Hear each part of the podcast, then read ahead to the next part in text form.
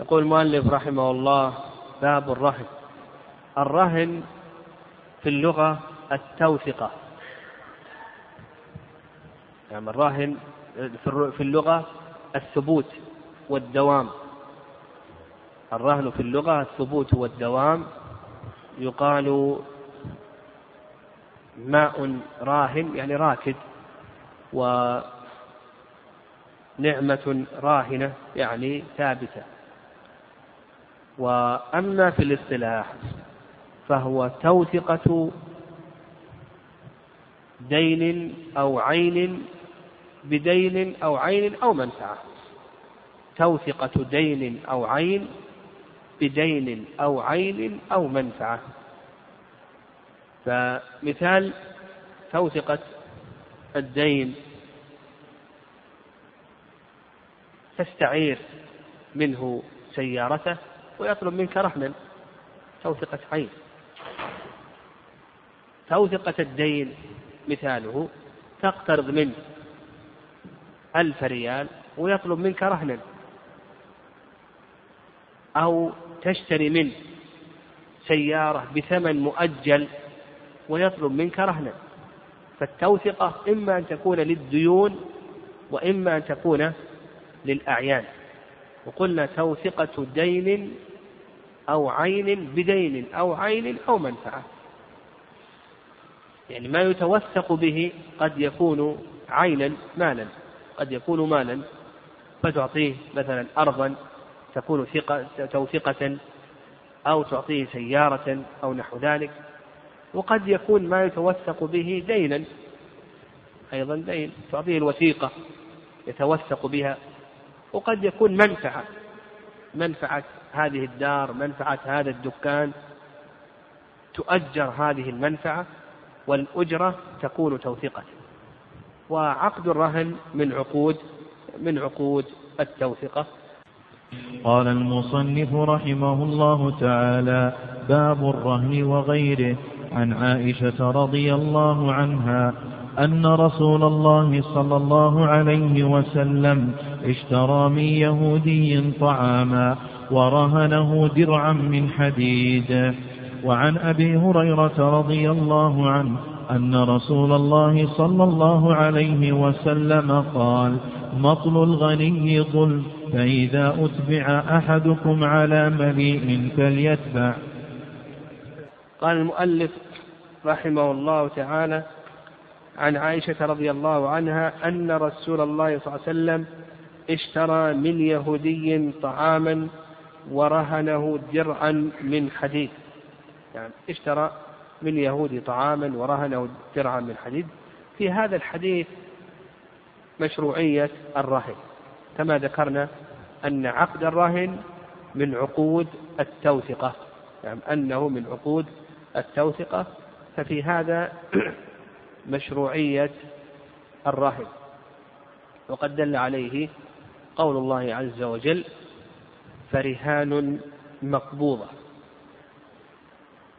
وفيه أيضا قوله ورهنه درعا من حديد. هل يشترط للزوم الرهن قبض العين المرهونة أو أن هذا ليس شرطا. هذا موضع خلاف بين أهل العلم رحمهم الله. ف الرأي الأول في هذه المسألة وذهب إليه أكثر أهل العلم أن القبض شرط للزوم الرهن يعني أن الرهن يصح الرهن يصح بالعقد لكنه لا يكون لازما إلا إذا قبض المرتهن العين المرهونة. إذا لم يقبض المرتهن العين المرهونة فإن الرهن لا يكون لازما. بمعنى أن المرتهن يملك أن يتصرف في هذه العين المرهونة. يملك أن يتصرف فيها بما ينقل الملك. أن يبيع أن يوقف أن يهب إلى آخره يملك أن يتصرف فيها فيقولون لا بد من القبض لكي يكون الرهن لازما. والرأي الثاني ذهب إليه الإمام مالك رحمه الله تعالى أنه لا حاجة إلى قبض وأن الرهن يلزم بمجرد العقد لأن لأن الله سبحانه وتعالى يقول يا أيها الذين آمنوا أوفوا بالعقود. يا أيها الذين آمنوا أوفوا بالعقود. وأد الأمانة لمن ائتمنك وعليه عمل الناس يعني عمل الناس اليوم تجد أن الواحد يقترض ويرهن بيته لمن أقرضه وهو ساكن فيه. ويشتري بثمن مؤجل ويرهن سيارته لمن باع عليه وهو يركبها ويستعملها إلى آخره. والصواب في ذلك أن الرهن لازم بمجرد العقد. كما أنه صحيح بمجرد العقد. وأما قول الله عز وجل فرهان مقبوضة وأيضا النبي صلى الله عليه وسلم آه، أقبض هذا اليهودي درعه فنقول في هذا زيادة توثقة وفي هذا الحديث أيضا فيه مشروعية الرهن ولو مع وجود الكاتب. هذا في خلاف عن بعض السلف رحمهم الله أنه إذا وجد كاتب هل يشرع الرهن أو لا يشرع الرهن؟ يقول الصواب أن الرهن مشروع حتى ولو مع وجود الكاتب. كذلك أيضا فيه أن الرهن يشرع في الحضر وليس خاصا في السفر لأن النبي صلى الله عليه وسلم في المدينة. وفي هذا الحديث فيه معاملة الكفار يعني البيع والشراء مع الكفار وهذا جائز ولا بأس به. وفيه أيضا معاملة من في ماله محرم. يعني في ماله محرم.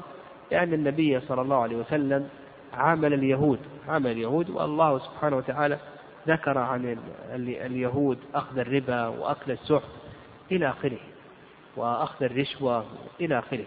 فنقول فيه جواز معاملة من في ماله كسب محرم يعني من ربا أو بيع آلات محرمة أو غير ذلك إلى آخره.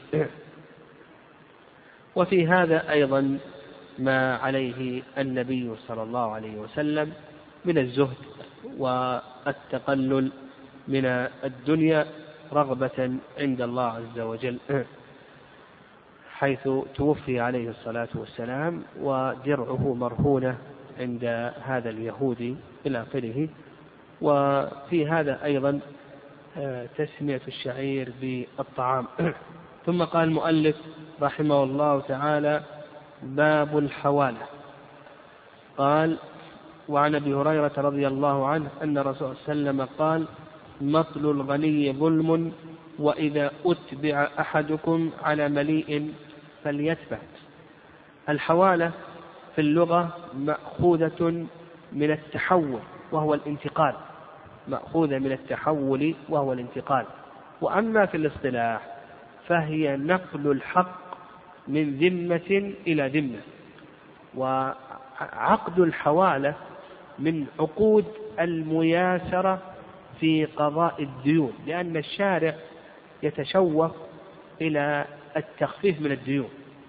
ولهذا جاء بطرق متعددة لإيفاء الدين وحذر أيضا من الدين وبين عظم أمره. فالحوالة هذه طريق من طرق المياسرة في قضاء الدين. ويقول النبي يقول النبي صلى الله عليه وسلم مطل الغني ظلم. مطل المطل هو في اللغة المد. نعم. مطلت الحديد يعني مددتها. وأما المراد هنا فهو تأخير توفية المستحق حقه. هذا المقصود بالمطر تأخير توفية المستحق حقه.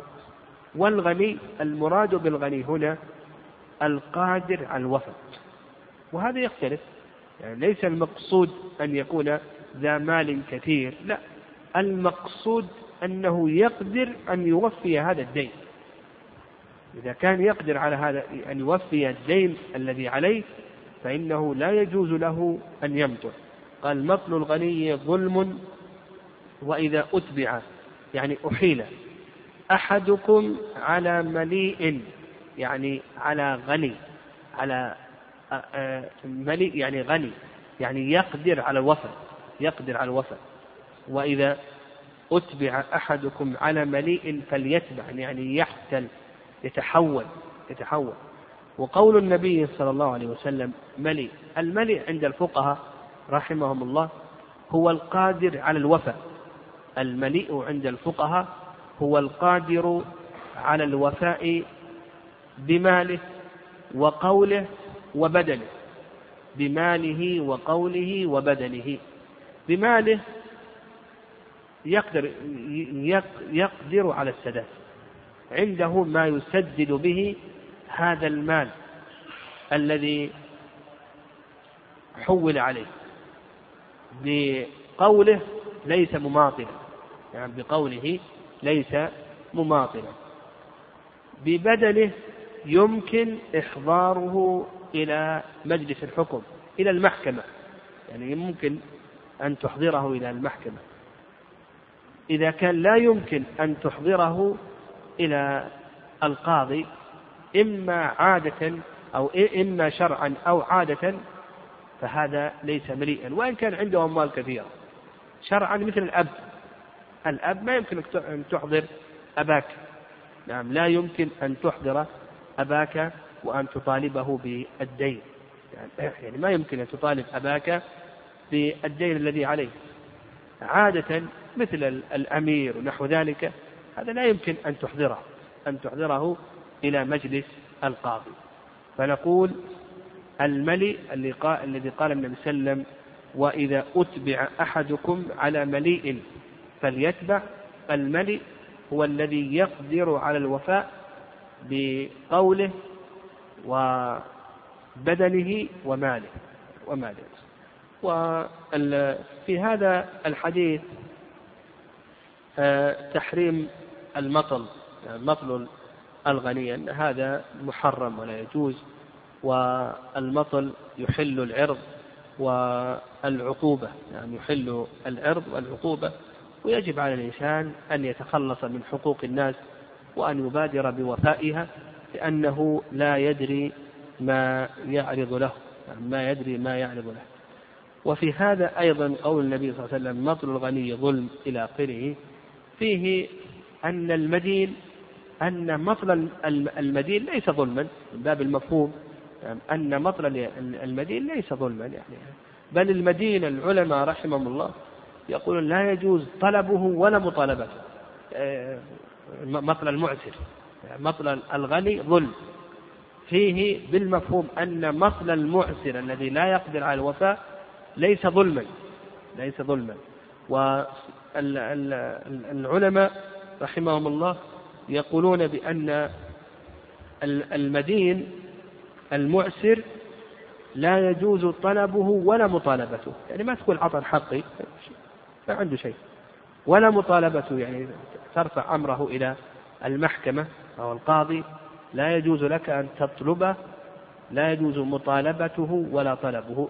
وقد ذكر العلماء رحمهم الله أن المدين ينقسم إلى أربعة أقسام. القسم الأول المدين الملي. هذا يجب عليه أن يوفي وهو الذي يقدر على الوفاء. القسم الثاني المدين المعسر الذي لا يقدر على الوفاء. هذا لا يجوز طلبه ولا مطالبته ويستحب إبراءه ولا يجوز الحجر عليه أو حبسه إلى آخره.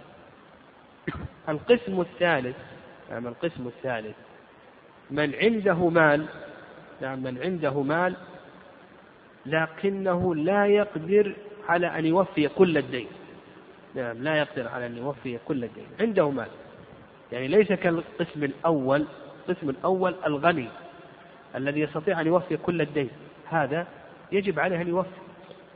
نعم ولا يحجر عليه بل يجب ويحرم عليه أن يمطل والمعسر هذا لا يجوز طلبه ولا مطالبته ولا يحجر عليه ويسن إبراؤه كما تقدم.